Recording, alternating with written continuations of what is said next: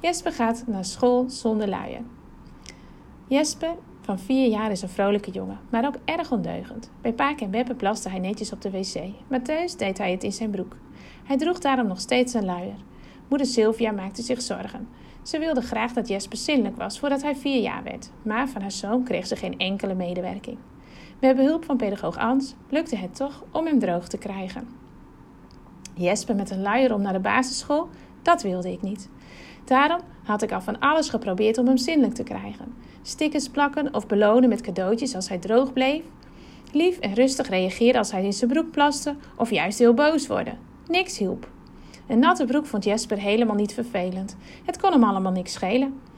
Hij leek gewoon geen belangstelling te hebben voor het zinnelijk worden. Wat ik vreemd vond, was dat hij bij Paken en Beppe het wel goed deed. Zij pas, pasten twee dagen per week op en Jesper gaat daar gewoon naar de wc, terwijl hij dit thuis weigerde. Ik had het idee dat Jesper een spelletje met me aan het spelen was. Dat maakte me onzeker. Blijkbaar lag het aan mij. Het consultatiebureau raadde me een pedagogische thuisbegeleiding aan. Pedagoog Ans kwam bij ons thuis. Het klikte direct goed.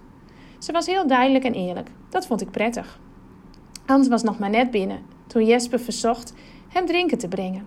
Automatisch pakte ik al een beker, maar Ans vroeg: waarom doet Jesper dat zelf niet? Dat was wel heel, een heel confronterend moment. Ik schaamde me natuurlijk en Jesper voelde zich ook ongemakkelijk. Hij was al bijna vier, maar ik behandelde hem nog als een klein jongetje door alles voor hem te doen. Ik had me totaal niet gerealiseerd dat zinnelijkheid samengaat met zelfstandigheid. Ans en ik bespraken hoe ik die zelfstandigheid bij Jesper kon stimuleren. Hij vond het namelijk ook wel prima als ik alles voor hem deed. Lekker makkelijk. Hij hoefde maar te piepen of ik stond voor hem klaar. Het maakte hem ook veel eisend. Ik was me daar helemaal niet bewust van. Het eerste waar ik mee aan de slag ging, was natuurlijk de zinnelijkheid. Hans gaf me advies Jesper zelf gewone kleren te laten aantrekken als hij in zijn broek had geplast. Dat was behoorlijk wennen, vooral voor Jesper. Hij ging de eerste keer nogal keer door te huilen en te schreeuwen. Dat was heel vervelend, maar ik had een grens getrokken. Ik zei ook tegen hem: Je kunt dit echt zelf. Ik had namelijk het idee dat Jesper dacht dat hij het niet kon, omdat ik het de hele tijd voor hem had gedaan. Het werkte. Want na een paar heftige dagen strijd en oefenen was het klaar. Hij ging uit zichzelf naar de wc en hoefde geen luier meer om. Ik heb geleerd tijdelijkere grenzen te stellen en consequent te zijn. Hulp van een pedagoog vroeg ik voor Jespers zinnelijkheidsprobleem, maar haar adviezen zijn ook voor andere situaties van toepassing. Dat is voor mij heel waardevol. Ik heb er iets aan voor de rest van zijn opvoeding. Ik zie dat Jesper veranderd is. Hij is rustiger geworden, minder snel boos of driftig.